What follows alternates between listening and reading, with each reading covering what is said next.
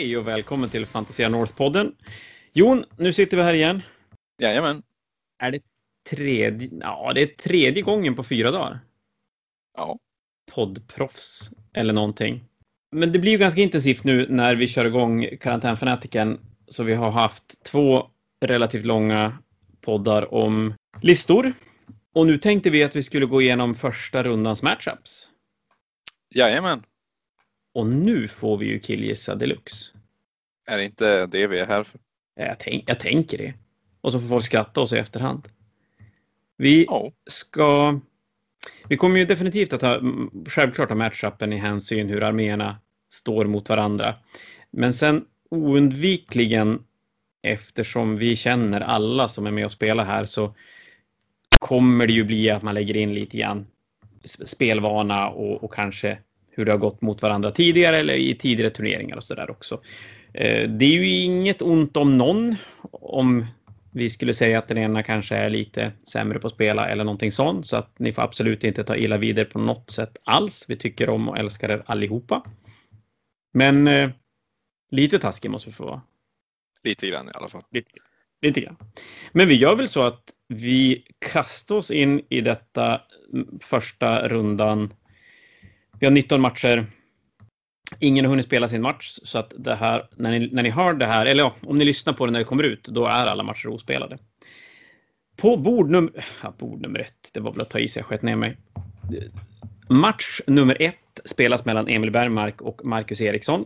Vi har ju som sagt listpoddar ute, så vill ni höra oss gå igenom listorna i detalj så finns de att lyssna på. Eh, nu highlightar vi lite grann och Emil spelar en Nurgle-lista, demonlista med Mortarion och en Great Unclean Yes.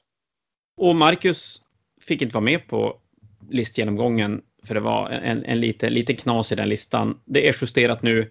Han spelar, ja, en Skorpek-armé egentligen. Han har tre enheter Skorpek Destroyers. Han har tre, fyra, fem enheter eh, skarabber. Han kör Wraiths, Void Dragon och lite Warriors. Så vad tror vi här då? Ja, vad tror vi? Vet du vad vi ska göra först innan vi tror någonting? Nej. Tänker jag. Vi tar och berättar hur scenariot ser ut. För det kan ju faktiskt spela roll. Det spelar nog jätteroll. Scenariot vi spelar första omgången nu är Surround and Destroy från Grand Tournament 2020, sidan 44. Det är en... åh, vad heter den deploymenten? Den alldeles... Dawn of War deployment är det, va? Visst heter det så? Det hette så förr, men jag vet inte. det heter ingenting nu, va? Visst? Nej, jag tror inte Deployments har namn längre. Nej, men det är i alla fall, man, man har hela långsidan till sin deployment. Det är take and hold, så det är sex objektiv. Det gäller att hålla en, två eller fler. Det är två i sin egen zon, två i motståndarens zon och två på mittlinjen.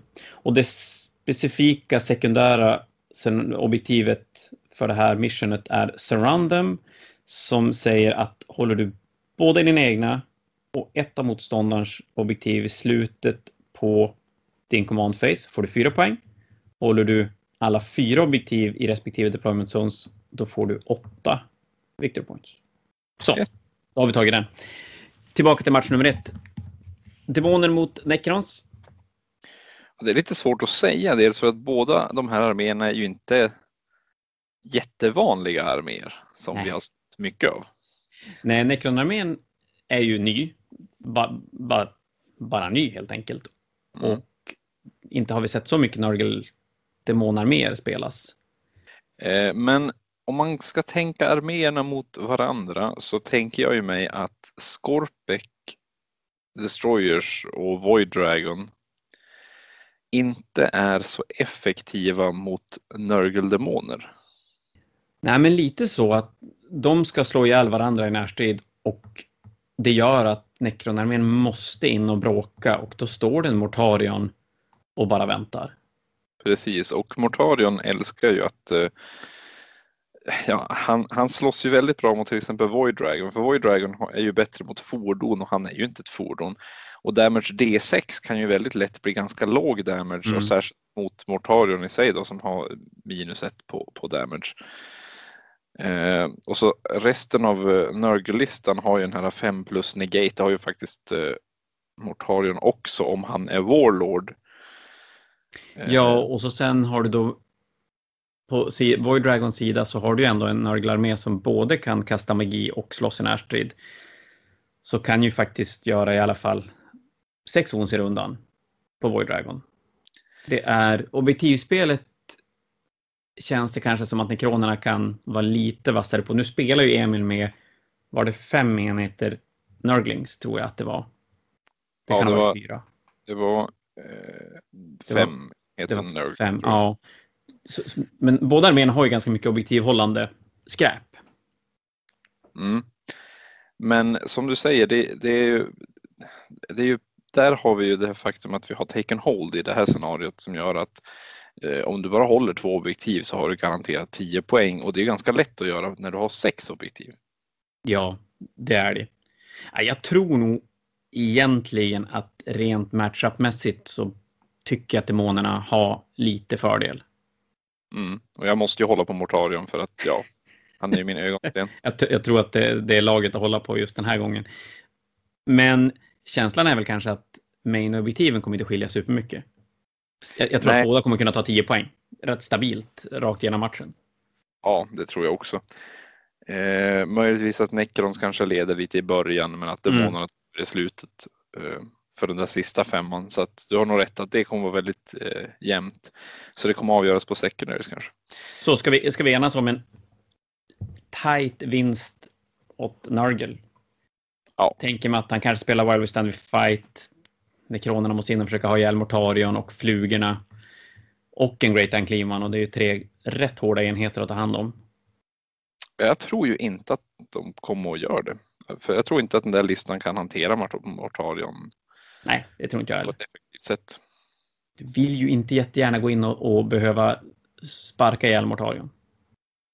Nej, men med, med så många Lyshgard och, och Scorpic Destroyers och, och sånt. Ja, det var inte så mycket val. Det, det är det enda som kan, för det är inte så att 20 Necron Warriors kommer att skjuta bort Mortarion. nej, nej, det, den, ja, skulle han göra det, ja, då, då behövde de inte spela färdigt match, faktiskt. Nej. Men vi säger helt enkelt vinst Emil. Jag skulle väl kunna tänka mig att en, en 15-5 i slutändan. Kanske. Vi rullar vidare. Match nummer två. Mikael Segerlund, förra karantinfanatikans segrare mot Roger Larsson.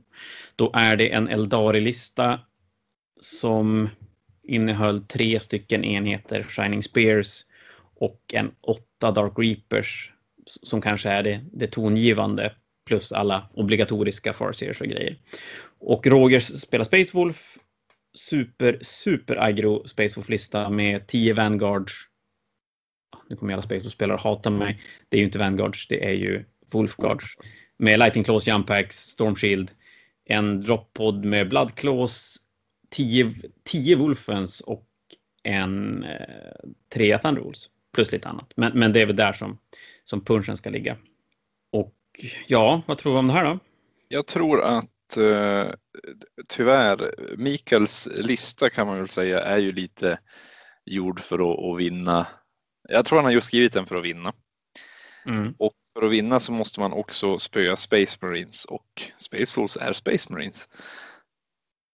Eh, jag mm. tror att han, jag tror att det som finns i den här listan med tre femmor Dire Avengers kommer vara tillräckligt för att kanske till och med kunna skrina screena bort eh, en first turn charge, drop pod charge. Och eh, sen kommer eh, alltså Shining Spears och eh, synnerhet Dark Reapers också vara väldigt arga mot alla Space Marines som finns. Jag tror att du är inne på rätt spår här. Rent listmässigt så det är klart Space Wolf-armén har jävligt mycket punch. Men den måste ju komma åt grejer för att kunna döda dem. Jag Precis. tror inte Roger kommer få chansen att, att slåss med rätt saker vid rätt tillfällen. Och jag tror att här kommer nionde att visa sig från sin, ur min synvinkel, bästa sida. Att man kommer inte behöva döda varandra för att kunna vinna matcher. Nej, här måste man verkligen spela på objektiv. Men sen ska man ju också, man får inte glömma bort en grej med den här matchupen. Det är ju att Eldar eh, lider ju lite av ett poängproblem fortfarande. Eh, tittar man på listorna så känns det som att Space Marines har väldigt mycket mer tyngd i sig än vad Eldar-listan har han har ju ofantligt många, jag tycker att han har ofantligt många hot i sin lista med, med Bloodclaw som kan droppa in runda ett. Han har Thunderwolves som har en första turn charge potential. I runda två så kommer Wolfens kunna komma in från vilken table edge som helst. Och så plus det har han sina Wolfguards som också kan göra en turn 2 charge.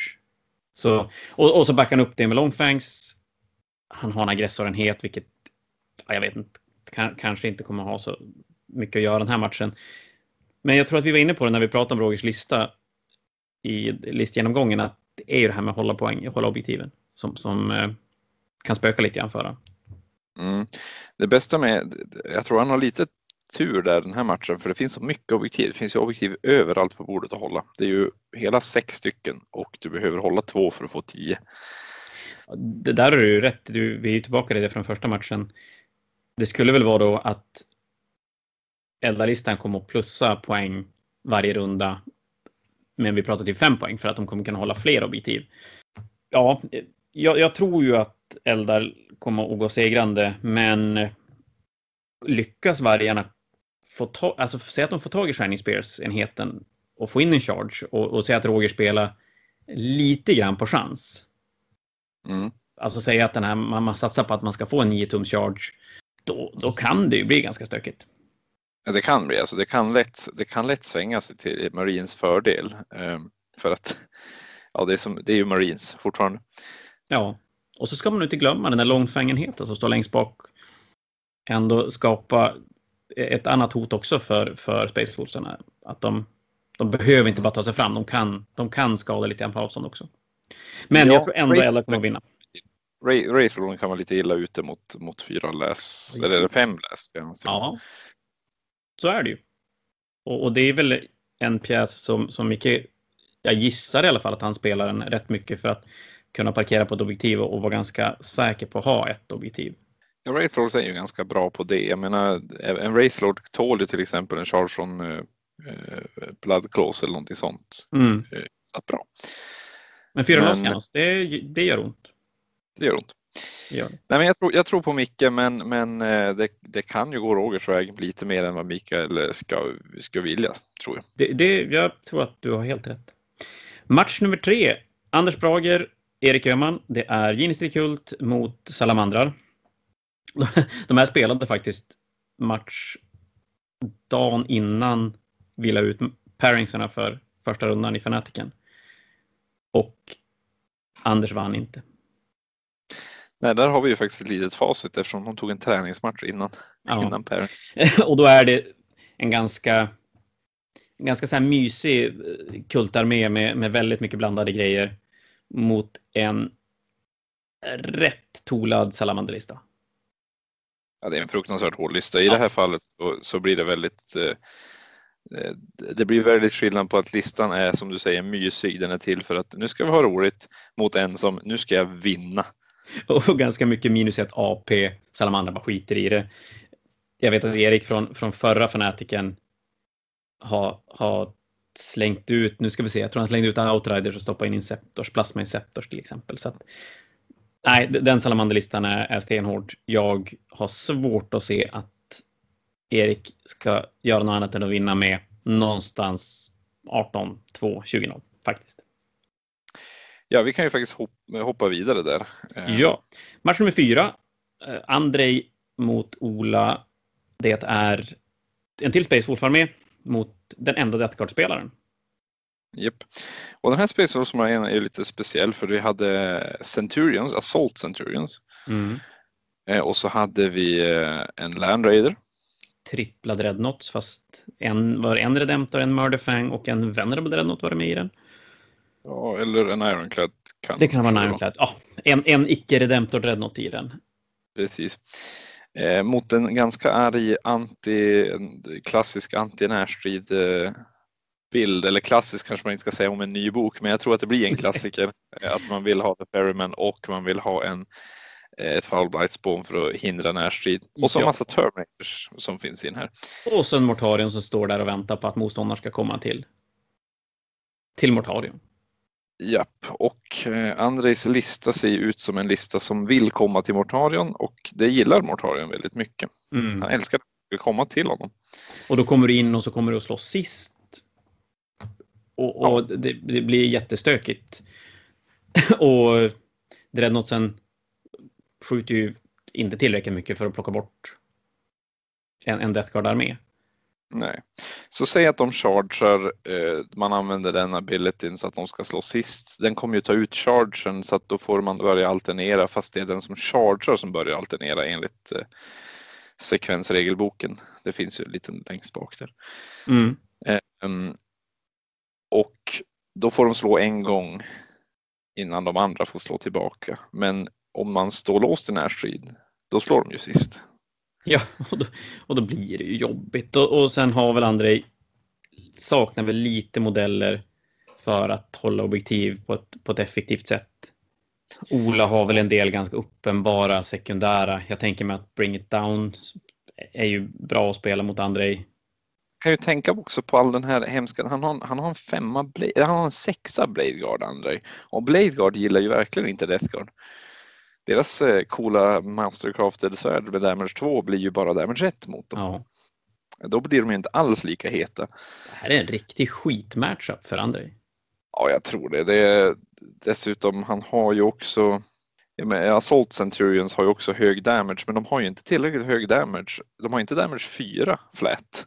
Så Terminators blir ju väldigt bra på att bara ta emot Centurion-slagen. Mm. Vad har, vad har eh, Mortarion för damage? Han har damage, antingen så slår han en massa, typ 21 damage, en attack, eh, 21 damage, mm. ett attack.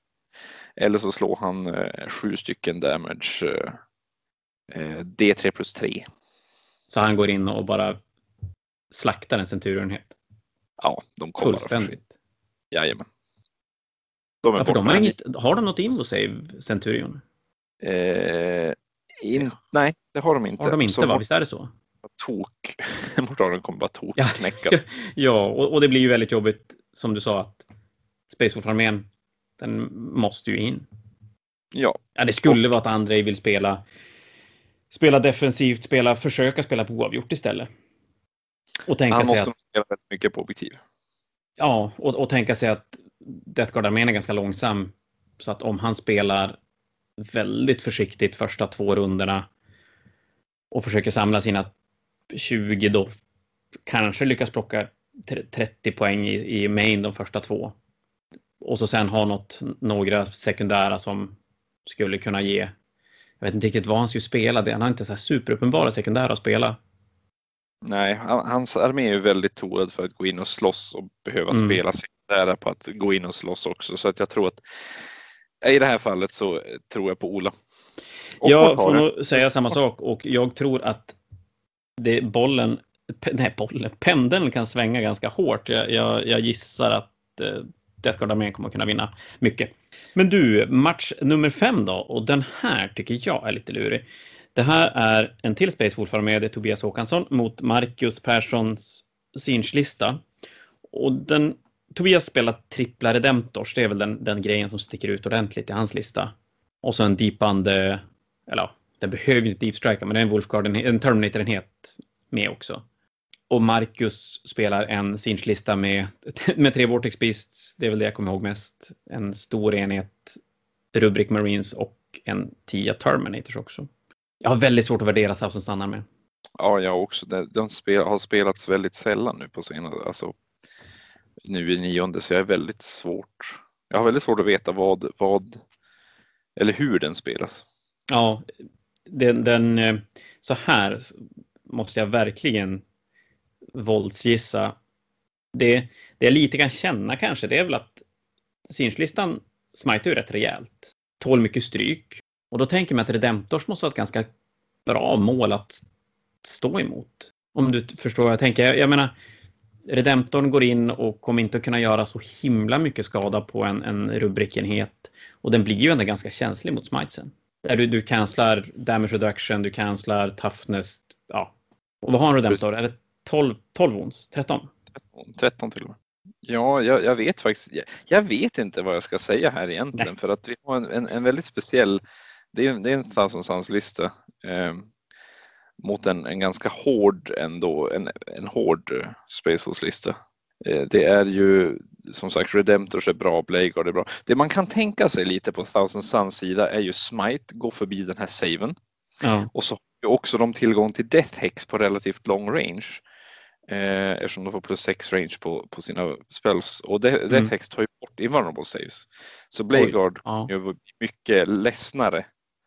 Så mycket smites, möjlighet att ta bort invo save mot en armé som bygger då på att han har Terminators som har invo save, Blade Guards med invo saves och Redemptors som har damage reduction och, och relativt mycket toughness. Vad säger du? Och så Thunderbolt som invul save också. Ja, det också. Så då säger jag att jag tror ändå att Marcus kommer att kunna vinna den här äh, lite grann för att det är en lista som är, är svår och kanske vet hur man ska hantera för man har inte sett så mycket här. Den här typen av listor spel, som spelas sedan tidigare. Han kommer ju antagligen att teleportera in 10 Terminators och teleportera fram 20, visst var det en 20? En 20 Rubrik Marines, ja precis. Det blir väldigt mycket power armor på ett, eh, på en och samma gång. Och ha två Vortex Beast han kan parkera på hemmaobjektiven. Och Skulle så kunna, ma- ar- allting som bara kastar en massa blixtar Ja. omkring sig.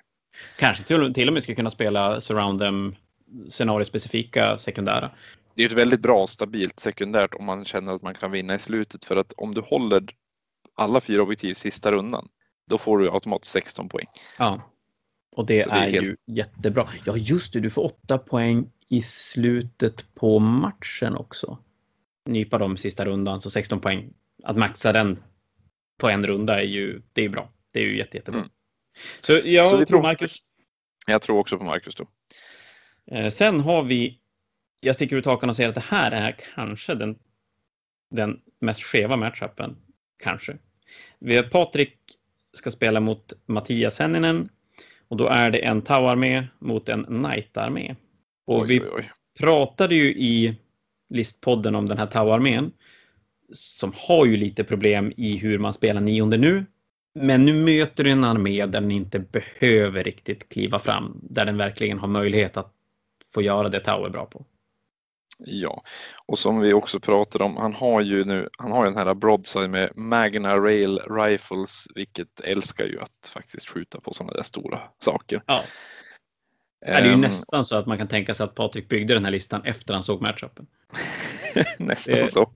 Ja, den, den här har jag svårt att se hur Knightsen ska faktiskt ta några poäng överhuvudtaget. Den, eller i alla fall poäng som ska kunna göra det till någonting annat än en, en brakförlust. Ja, det är om han får börja, det är om Knights får börja och skjuter ut det som absolut måste skjutas ut först. Ja, Eh, så då kanske vi kan snacka, men annars så tror jag också på Tau. mm. ja den, här, den här är tung för, tung för Mattias. Eh, jobbig första match för Knightsen. Så är det. Men om vi ska Eh. prata om svänga så, så är det ju väldigt lätt att om Tau flunkar lite av det som inte får gå fel så Och han måste ju, för att Patrik ska vinna mycket, då måste ju Knightsen gå i backen ganska fort. Så han, han får inte lämna någon knight på två ons kvar för då helt plötsligt så då har han ju inte lyckats med det. Då, då kommer knightsen kunna ta poäng och de kommer kunna skjuta tillbaka och göra allt sånt där. Ja. Och så slutar det som det kommer göra för, tror jag i alla fall, för Tau ganska många gånger. Att det är inte så många motståndargubbar kvar, men den totala poängskörden är ganska jämn ändå. Precis. Men vi tror på Patrik den här gången. Vi gör nog det. Eh, gå vidare till match nummer sju. Då har vi Linus Karlsson mot Kim Söderlund. Då är det mer Knights.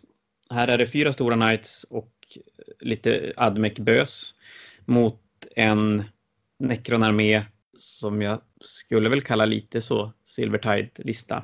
Om jag minns rätt. Ja, den är, det är Necron Warriors, det är en Reanimator, Flayed Ones och massa skarhaber. På Doomsite har han ju också. Ja, just det. Det var, det var Silvertide-listan med, med dubbla domsites. Så var det. Ja, ja. Jag tycker den här är lite svår också. Rent, rent scenariomässigt så har ju Kim alla verktyg. Kim har ju också, om vi tänker spelare, har han ju också erfarenhet av Admec. Han spelar ju Admec själv till exempel, Mm. så han har på den delen. Jag tror inte att han har eh, dålig koll på Knights heller. Men kommer han kunna döda Knightsen? Det är en bra fråga, för det är ändå, det är ändå ganska många stora Knights. Det är ju faktiskt fyra stora Knights. Och att hålla, i det här läget måste ju scenariot gynna Linus med att hålla en 2 istället för 2-3. Ja, det är ju verkligen bra för, för eh, Knightsen att kunna För han kan ju bara hålla två objektiv och han är väldigt lätt att hålla på två objektiv för det finns två midfield, det finns ju två i deployment. Ja, så han parkerar Så- varsin admic-enhet på deployment zone-objektiven och så kan han klampa ut med knightsen och, och egentligen inte behöva bry sig så himla mycket om att hålla fler objektiv. Eh, Det jag tror Kim gynnas av här, eller Kims lista är ju mästare på att göra sekundära objektiv kan jag säga. Med flayed ones, med skarabéer, med Mm. kryptostrategerna. Eh, Jag tror att han kommer att vara väldigt duktig på att, att ta väldigt många höga poäng på secondaries. Ja, och sen får han spela pre-game move så kan han ju maxa engage redan runda. Definitivt. Så eh, jag tror att, det är väldigt många enheter också, så att jag tror Knightsen kommer att bli lite smått förvirrade. Plus att förstås han har ju Chronomancer som ger 5 plus invulnerable save, Mm. så det blir inte så för Knightsen att skjuta ut Necron Warriors heller. Så Nej, men ska, vi Ska tro man- att Kim, tror Kim kommer att vinna det här på objektivspelet?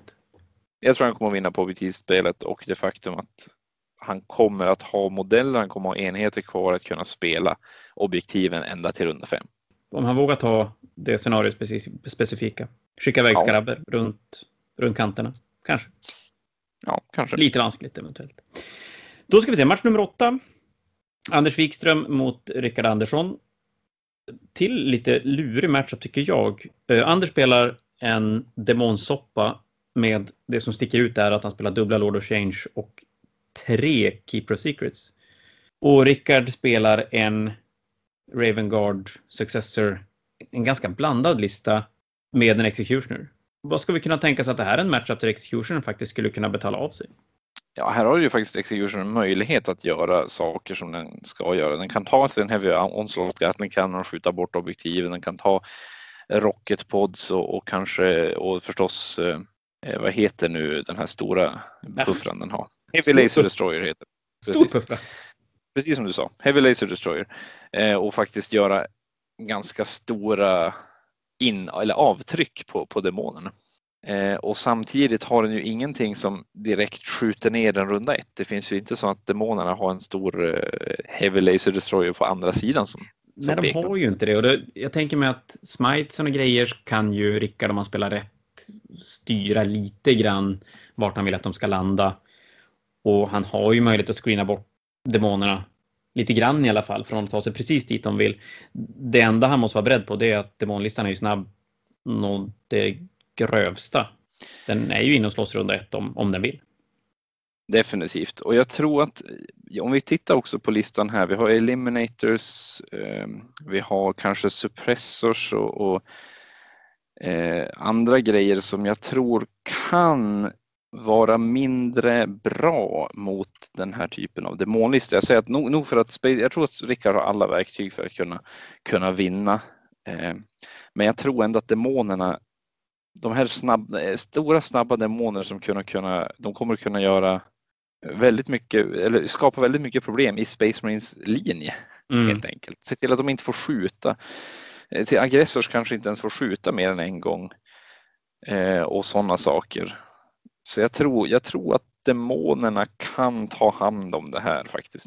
Jag tror väl egentligen det också. Och där Anders har nog, eller han, ja, jag tror att han tjänar ganska mycket på att spela en, en relativt ovanlig lista som gör att många kanske inte riktigt har koll på hur snabb de är, hur hårt de slår, vilken typ av magi de kan köra och, och så. Och det, det kan nog spela roll i en del matcher.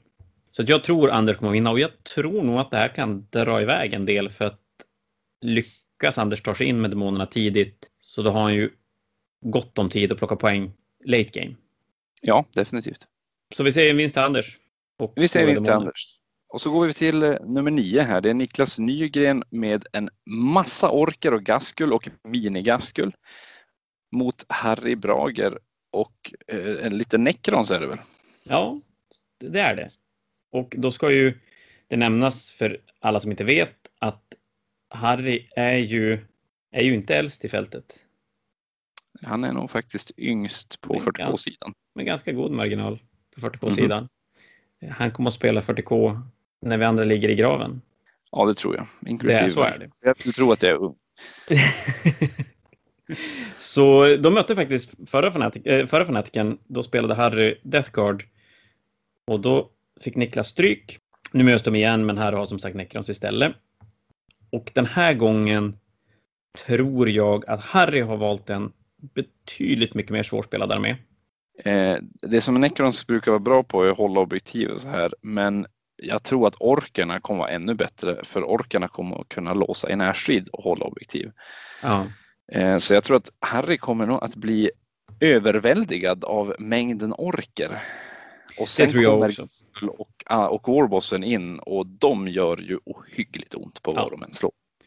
Och förra gången så då hade Harry en Mortarion som kan, ja den kan ju göra mycket mot de flesta. Nu har han inte riktigt de lite enklare verktygen i listan. Så det, det kommer att bli tuffare, det, det kommer att bli. Men som sagt, är ju, har många år på sig att spela och bli fantastiskt duktig. Och jag tror han kommer Jo. lära sig mycket, mycket av att spela den här typen av listan. Faktiskt.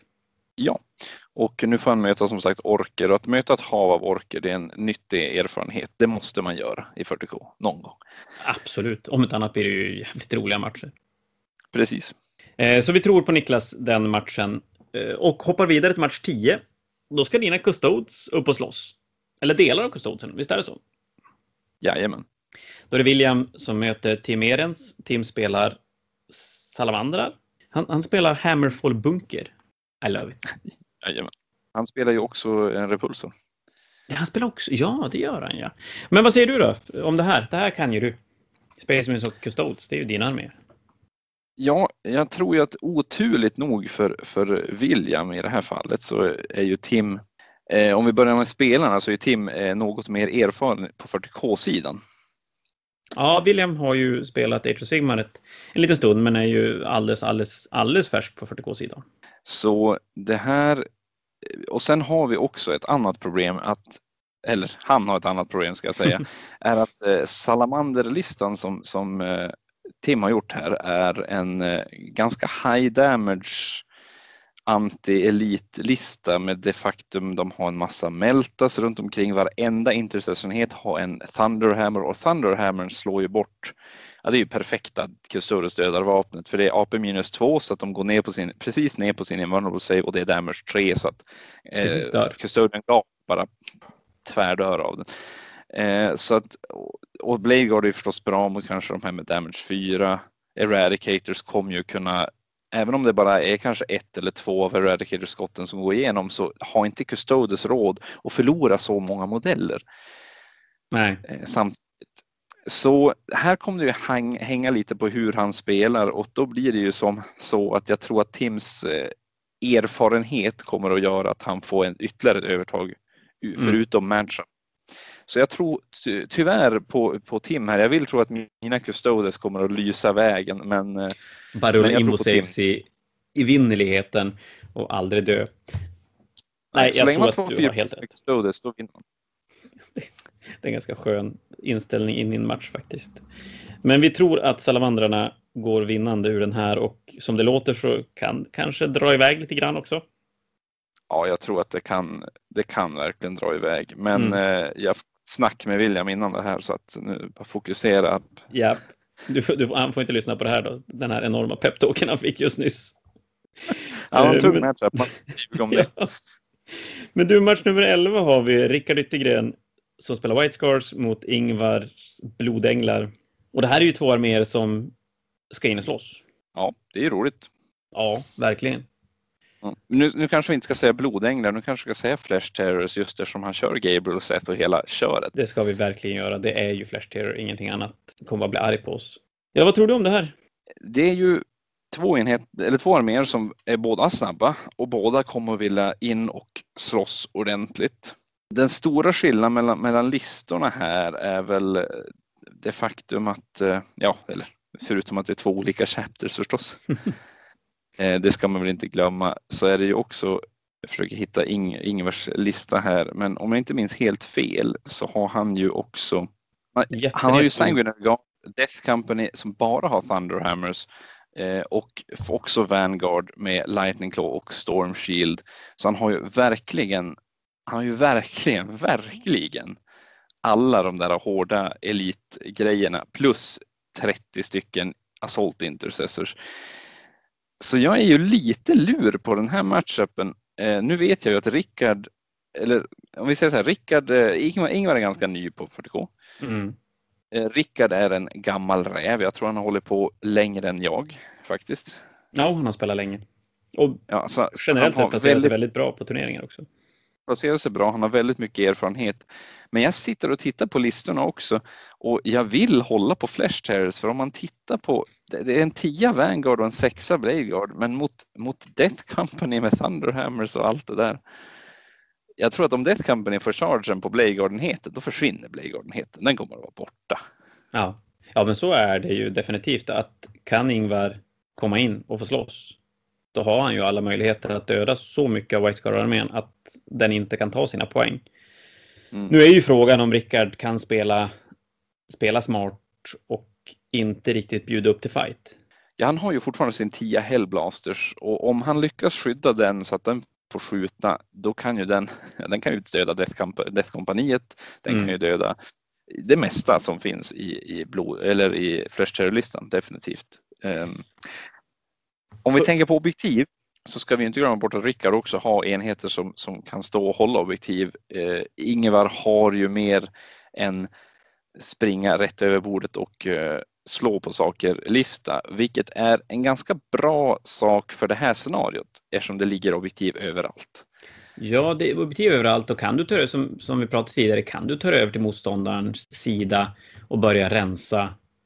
Även om du då tappar mycket poäng under matchens gång så, så har du möjlighet att smälla in 16 poäng sista, sista rundan. Eh, jag, men om jag ska vara helt ärlig, jag tror fortfarande på Rickards, eh, jag tror på Rickards erfarenhet här. Eh, även Ja. om jag tror att listmässigt så har faktiskt Blodänglarna eh, en massa punch så tror jag också att erfarenheten plus Hellblast, jag tror Hellblastenheten kommer att göra en väldigt stor skillnad i den här matchen. Så Ingvars hemläxa det är att knäcka hur han ska plocka de sekundära, lyckas spela inte bara för att slå ihjäl motståndaren utan se till att hålla någorlunda jämna steg i victory pointsen på vägen fram så att inte det blir så att även om man dödar White Scarsen så har han som tappar för mycket så att han hinner inte ikapp mot, mot slutet. Ja, Så håll koll på poängen Ingvar. Ja, precis. Hans problem med den här listan blir ju väldigt mycket Hellblasters. Ja. Eh, För han har ju inget själv att skjuta bort den med. Hellblasters får ju leka fritt om Rickard kan skydda dem med sina egna. Och ingen möjlighet riktigt att på ett bra sätt ta sig in på, på baksidan riktigt utan, utan att måste få en sån här 9 tums charge. Men, men det, en sån grej kan ju Rickard screena bort också om han Mm. spelar rätt. Nej, så jag vill nog också tro på Rickard i den här. Visa slutorden så går vi till match 12. Benjamin Bebbe Hyvönen mot Niklas Ledin. Det är alltså Bebbes Imperial Fist mot Niklas Black Templars. Eh, Bebbe spelar trippla Redemptors i sin Imperial Fist-armé plus Suppressors. Han spelar Inceptors. Han spelar rätt mycket bra Space Marine-grejer. Ja.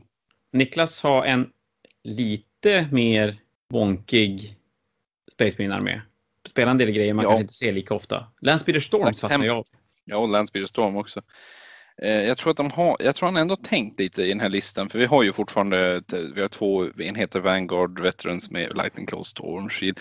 Det som är skillnaden där är ju att han har, eller det, sergeanten har Lightning, dubbla Lightning Close, men de andra har Starters Chainsword och Storm Shield.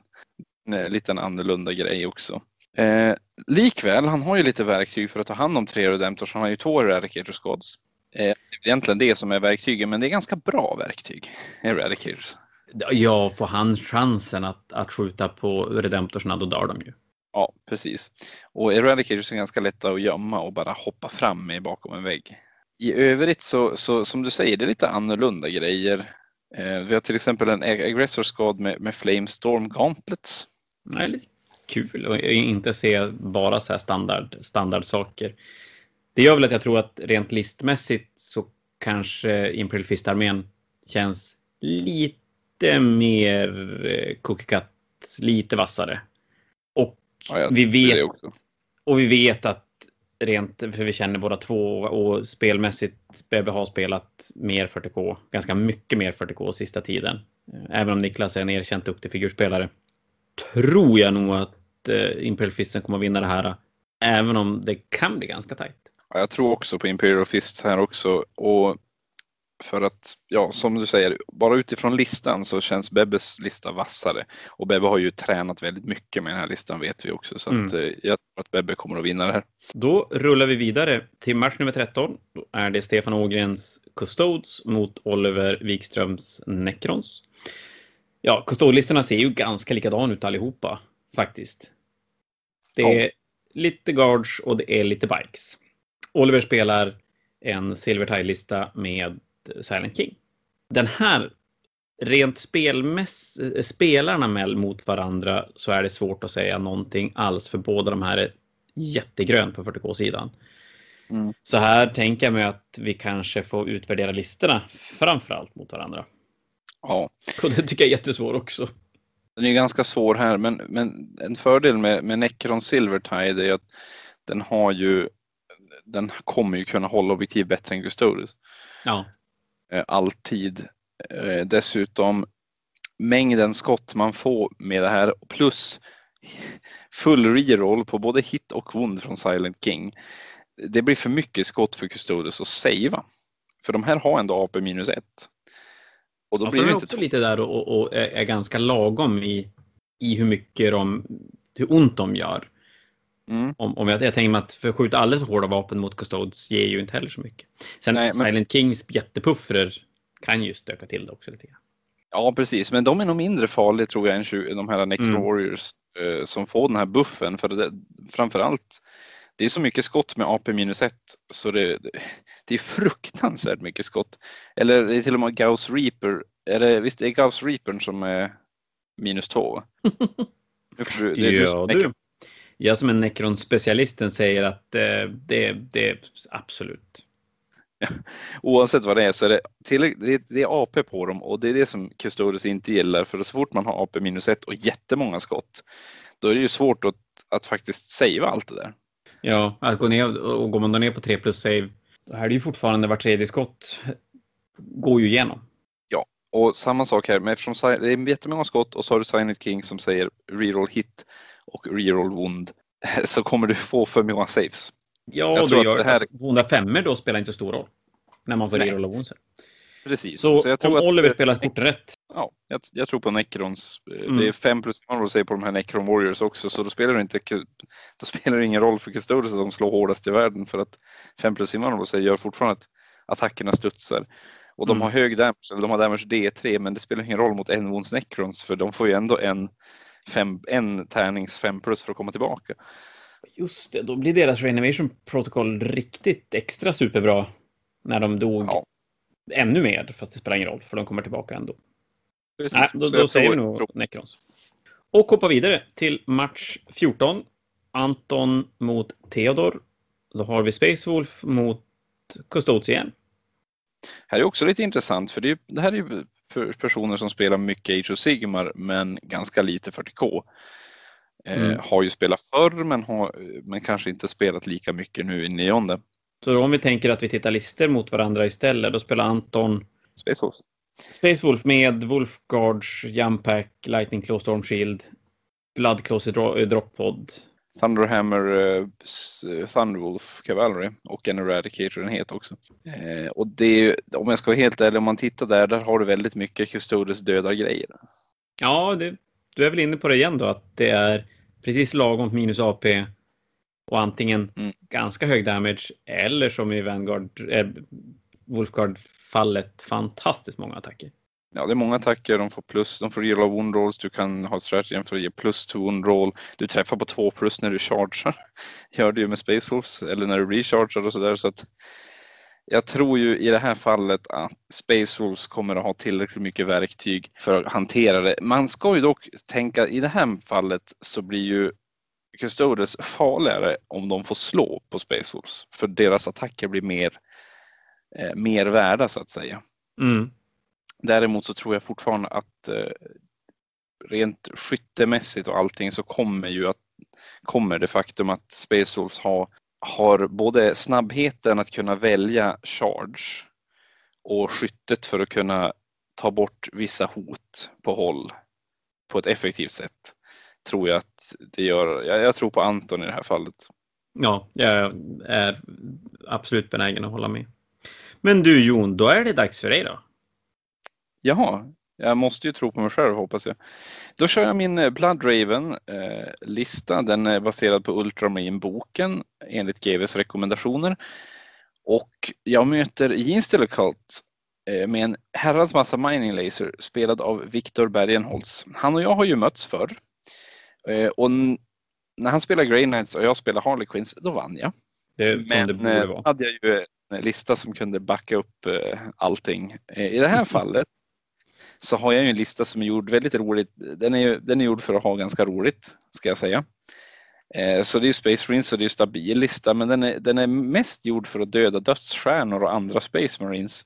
Nej, nu är det bara en massa småskräp överallt. Jag, jag, har ju, jag får ju välja en enhet att få all hela armén reroll hit och wound rolls mot i början av matchen och jag vet inte stackaren som jag ska välja. Här är typ en Hive Tyrant eller en Exokrin kanske.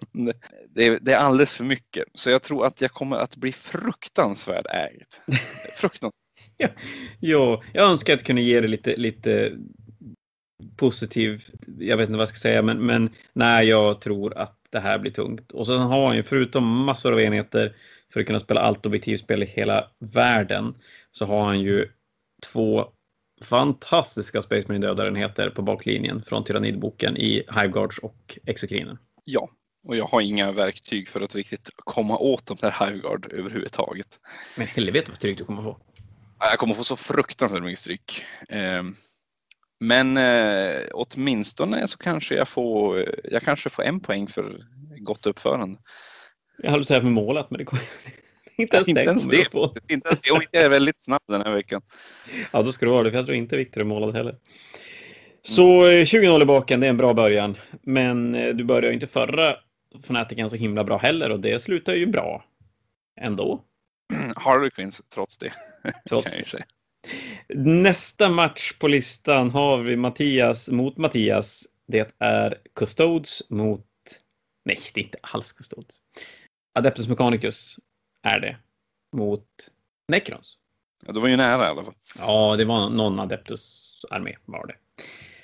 Och här har vi en Mechanicus-lista som är bra den, den här är riktigt, riktigt, riktigt bra. Den spelar tre enheter Electropriest med två transporter till. Den spelar kycklingar med, med deras skyttevarianter. Det är väl det jag kommer ihåg. Ja, och så sen är det två stycken skyttebilar till också. Och mot det så har vi ju eh, en Overlord, Scorpic Lord och så Technomancers, massa Necron Warriors, eller massa, det är faktiskt bara 36 stycken och en femma mm. Immortals. Eh, det som är spännande i den här listan, åtta Lyshgard med, med Sword och Dispersion Shield, åtta Deathmarks som faktiskt, de kan ju faktiskt skjuta på riktigt om man vill. Ja. Eh, och, säkert, och på ett eh, ställe man inte kanske förväntar sig att de kommer in på också. Men jag tror att det kan bli tungt för Necronerna den här matchen. Ja, de där elektroprisen kommer göra så mycket och eftersom Necrons vill gå nära och skjuta på saker Mm. De vill ju skjuta på från ett ganska nära, nära håll. Det betyder också att Electropris kanske kan hoppa ur sina transporter och eh, springa in i Necrons och då kommer det att försvinna Necrons. Ja, den här matchen behöver ju inte ens uh, Admec-listan vara speciellt aggressiv. För den skjuter ju mer också. Mm. Så om den vill så kan den ju spela lite försiktigare för att sen gå in och kliva in. Så att nej, här tror jag definitivt att Admec-listan har alla verktyg för att hantera Necron. Det är frågan om Necron-spelare, om Mattias, Necron-Mattias kan plocka lite poäng tidigt med tanke på att han har ganska mycket gubbar och på så sätt inte behöva förlora jättemycket. Kanske. Ja, jag tror att han måste spela på objektiv och sek särskilt secondary objektiv som, som uh, gör att han kan klara dem tidigt och inte behöver stå på bordet i slutet mm. av matchen. För jag tror inte att Necron i armén kommer att stå på bordet i slutet av matchen. Nej, jag tror att det kan, det kan vara döda, döda robotar i slutändan. Och så då kommer vi till match nummer 17. Kristoffer Lindfors mot Morgan Norman. Då är det Kristoffers Orker mot Morgans Black Legion. Kristoffer lirar ganska så här, blandorklista, men det som sticker ut lite grann det är väl att han spelar rätt mycket Killa Cans och Death Threads tillsammans med en hord av boys och lite meganobs. Och Morgan Norman spelar då Black Legion med Abaddon eh, och eh, ganska mycket mecka-grejer plus en Knight. Och vad jag tror om det här är att orkerna kan få, problemat det kan, kan få det väldigt problematiskt att hantera alla de här stora tunga grejerna. Eh, och särskilt eftersom det finns en Lord Discordant där och Lord Discordant mot, kill, eller mot Killakens, då det, det kommer inte bli en rolig match för Killakens för Lord Discordant ger ju fordon minus ett to hit och Killakens träffar ju på 5 plus i närstrid. Ja, eh, så det blir sex. Ja, och sen kan han låsa upp boysen med målerfienden och de kommer ju aldrig slå ihjäl en målerfiend. Knighten kommer ju bara kunna stå och stompa orker till dödagarna. Nej, här tror jag Morgan kommer att både döda mycket orker och just mot Kristoffers lista innebär det ju att dödar du mycket orker, då kan du spela både Thin the Ranks och Bring It Down och dra in rätt mycket poäng från båda. Jag tror att Morgan kommer att ta hem det här just på grund av att som du säger, Knighten kan faktiskt, den kan ju stompa orker jättebra. Ja. Eh, och Loris Gordon kan hantera alla killar i hela världen och han har mycket att slänga in och stoppa orkerna från att göra andra grejer. Frågan är ju bara hur mycket poäng som Kristoffer kan ta innan den når den här kritiska punkten. Ja, jag tänker det att som vi, det har ju pratat om att det är mycket objektiv så han skulle ju kunna plocka lite main tidigt. Men han har inga superuppenbara sekundära att spela med den här listan. För den är inte Nej. riktigt snabb för att spela engage på ett effektivt sätt. Deploy scramblers blir jättesvårt för han. Ja, han vill definitivt inte spela Bring It Down mot Morgan heller, för Morgan har visserligen 10 poäng i Bring It Down, men han kommer inte kunna få ner fordonen. Nej, och Morgan kan spela Thin the Ranks, vilket bör kunna ge 15 poäng om man wipar orkarmén. Mm. Bring It Down borde ge, om jag räknar rätt nu, borde kunna ge 12 poäng. Någonting sånt. Och sen någonting annat. Jag vet inte riktigt ja. vad han har tänkt själv spela med den där listan, men den, den, det känns som att det blir en, en Black Legion-vinst och den kan mm. nog dra iväg ganska stort faktiskt. Eh, man kan ju tänka sig att han kanske spelar eh, While We Stand We Fight eftersom orken inte kommer kunna hantera Knighten eller Abaddon kanske de inte ens kan ta. Nej, och Abaddon är ju ganska lätt att hålla vid liv om man vill att han ska vara vid liv, om man inte känner att man behöver hans punch. Eh, så en, en Black Legion-vinst anar vi där. Eh, två matcher kvar. Nummer 18, Simon Ingvarsson spelar Astra Militarum mot Ludde som lirar orker. Och här har vi en till orkhord, men den backas upp av två enheter Meganobs och Smashagans. Ja, det här blir spännande. Eh, Simons, jag tror det här kan bli en ganska kul match. Eh, det kommer bli mycket att döda från båda ja. sidor. Eh, det kommer verkligen att, eh, att flyga orker och det kommer att flyga eh, guardsmen och tanks. Jag kan verkligen se framför mig hur Simons två Bullgren-enheter kommer möta Ludvigs eh, Meganovs-enheter i mitten. kan det bli så är det ju jävligt mäktigt alltså. Det, det är ju episkt och det grövsta. Eh, Simon spelar, som du sa, två Bullgren-enheter, två mantikorer, två flyg och så ganska mycket gubbar. I stora drag. Ja, jag, jag tror den här matchen kommer avgöras väldigt mycket vem som inte faller i fällan att bara springa och döda motståndaren. Ja, det är ju objektiv som verkligen kommer spela roll. Och det kommer också hänga lite på vem som får börja tror jag och hur, sam, samtidigt hur fältet ser ut. För om mm. Gardet får börja och det finns inte tillräckligt mycket terräng på bordet så, så kan nog orkarna få en tung start. Ja, då, då kan det dö ganska mycket mycket orker tidigt. Mm. Men sen kan det också komma en gaskulthräka från sidan kanske eller teleporteras in med, med teleporta stratagemet och om han kommer in på chargen där då, då kan han ju börja faktiskt gå igenom ganska hårt eftersom han är väldigt svårt, svårdödad för guardsmen. För guardsmen kan ju bara göra Gaskul kan ju bara ta fyra wounds varje skyttefas. Så om ja. Gaskul ska komma in från sidan och bara hoppa in i någonting då är det en skyttefas och han tar fyra ons, men Gard, Garders armén kommer om, om Mullgrins är upptagen någon annanstans så kommer inte Garders armén göra något mer på Gaskuld än törn, hela på hela, hela deras törn. Och måste han vända om med Bullgrins för att ta hand om Gaskul lämnar ju fältet lite öppet för att Megan Obsen ska kunna kliva in och, och som bara stänga av brädet från dem. Det är ju frågan sen hur han kan använda sina Scions som droppar ner från flyg för, mm. att, för att ta poäng. Så, så här också, jag tror att matchupmässigt så kanske jag skulle ha Luddes lite i förarsätet Och det hänger väldigt mycket på om Simon kan spela, spela objektivspelet rätt mm. och välja rätt sekundär. Och det hänger också väldigt mycket på att Ludvig kan spela sina resurser, Gaskull och uh, Meganobs rätt. Så det hänger väldigt mycket på spel den här ja, matchen. Men det är kul. Väldigt... Det, den här ska bli rolig att komma tillbaka till. Till och med så att man kanske ska få snacka med dem och få höra hur den här matchen har gått. För att jag tror att det, oavsett hur det går så tror jag att det kan bli en jävligt rolig match att, att höra, höra pratas om efteråt. Ja. Men du, jag hade precis sa vi vem som skulle vinna den där, eller, eller fega bur? Vi tror, vi tror på Ludvig, eh, men ja. vi, lämnar, vi lämnar utrymme för att vi kan ha fel. Det låter bra. Sista matchen då, då ska jag få spela. Mm. Jag ska spela mina tyrannider mot Elias Necrons. Mina tyrannider är väldigt objektivhållande skulle jag vilja säga med en stor jeansdealerenhet och så sen har jag en skyttedel med, med Exokrin och Hiveguards. Elias spelar en Silent King med tendenser till en Silvertide, men inte riktigt. Han har 20 Necron Warriors och 2 10 Immortals och sen backar han upp det med eh, Heavy Destroyers, Domstalkers vill jag tro. Och så sen har han en eh, Command Barge till det här också. Jag har inte riktigt grottat mig ner i framförallt Silent King hur mycket stryk han tål om det är någonting jag ska vara och pilla i. Men rent matchupmässigt så får jag väl ändå säga att det känns ganska bra. Ja, jo, det beror ju på. Det beror ju på om du kan hantera det vissa av sakerna. Men jag tror att du kommer att klara dig ganska bra på objektiven eh, mot den här ekronomin. Ja, och mina jeansdealers är ju inte så effektiv som man kanske skulle vilja att de var. Men det är framför allt för att man marschar upp dem mot Space Marines där de inte alls klarar av att göra så mycket skada som de behöver. Mot. Necrons känns det ju ändå som att de ligger ganska perfekt i skadeverkan. Ja. För att kunna ta hand om, om Necron Warriors till exempel. Locus Ever Destroyersna har inget riktigt uppenbart mål i min armé. Det är Exokrinen som, som inte gärna vill bli skjuten av den. Men annars har jag ju 10 termaganter, 10 hormaganter, rippers, liktors.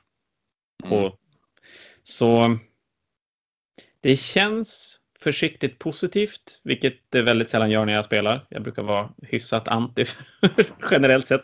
Men jag tror väl att jag bör kunna vinna den här matchen.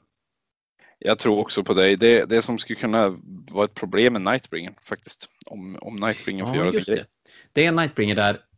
Det, fördelen jag har mot Nightbringer är att jag har skyttet för att smälla in tre wounds i den. Jag har magin för att smälla in tre wounds i den.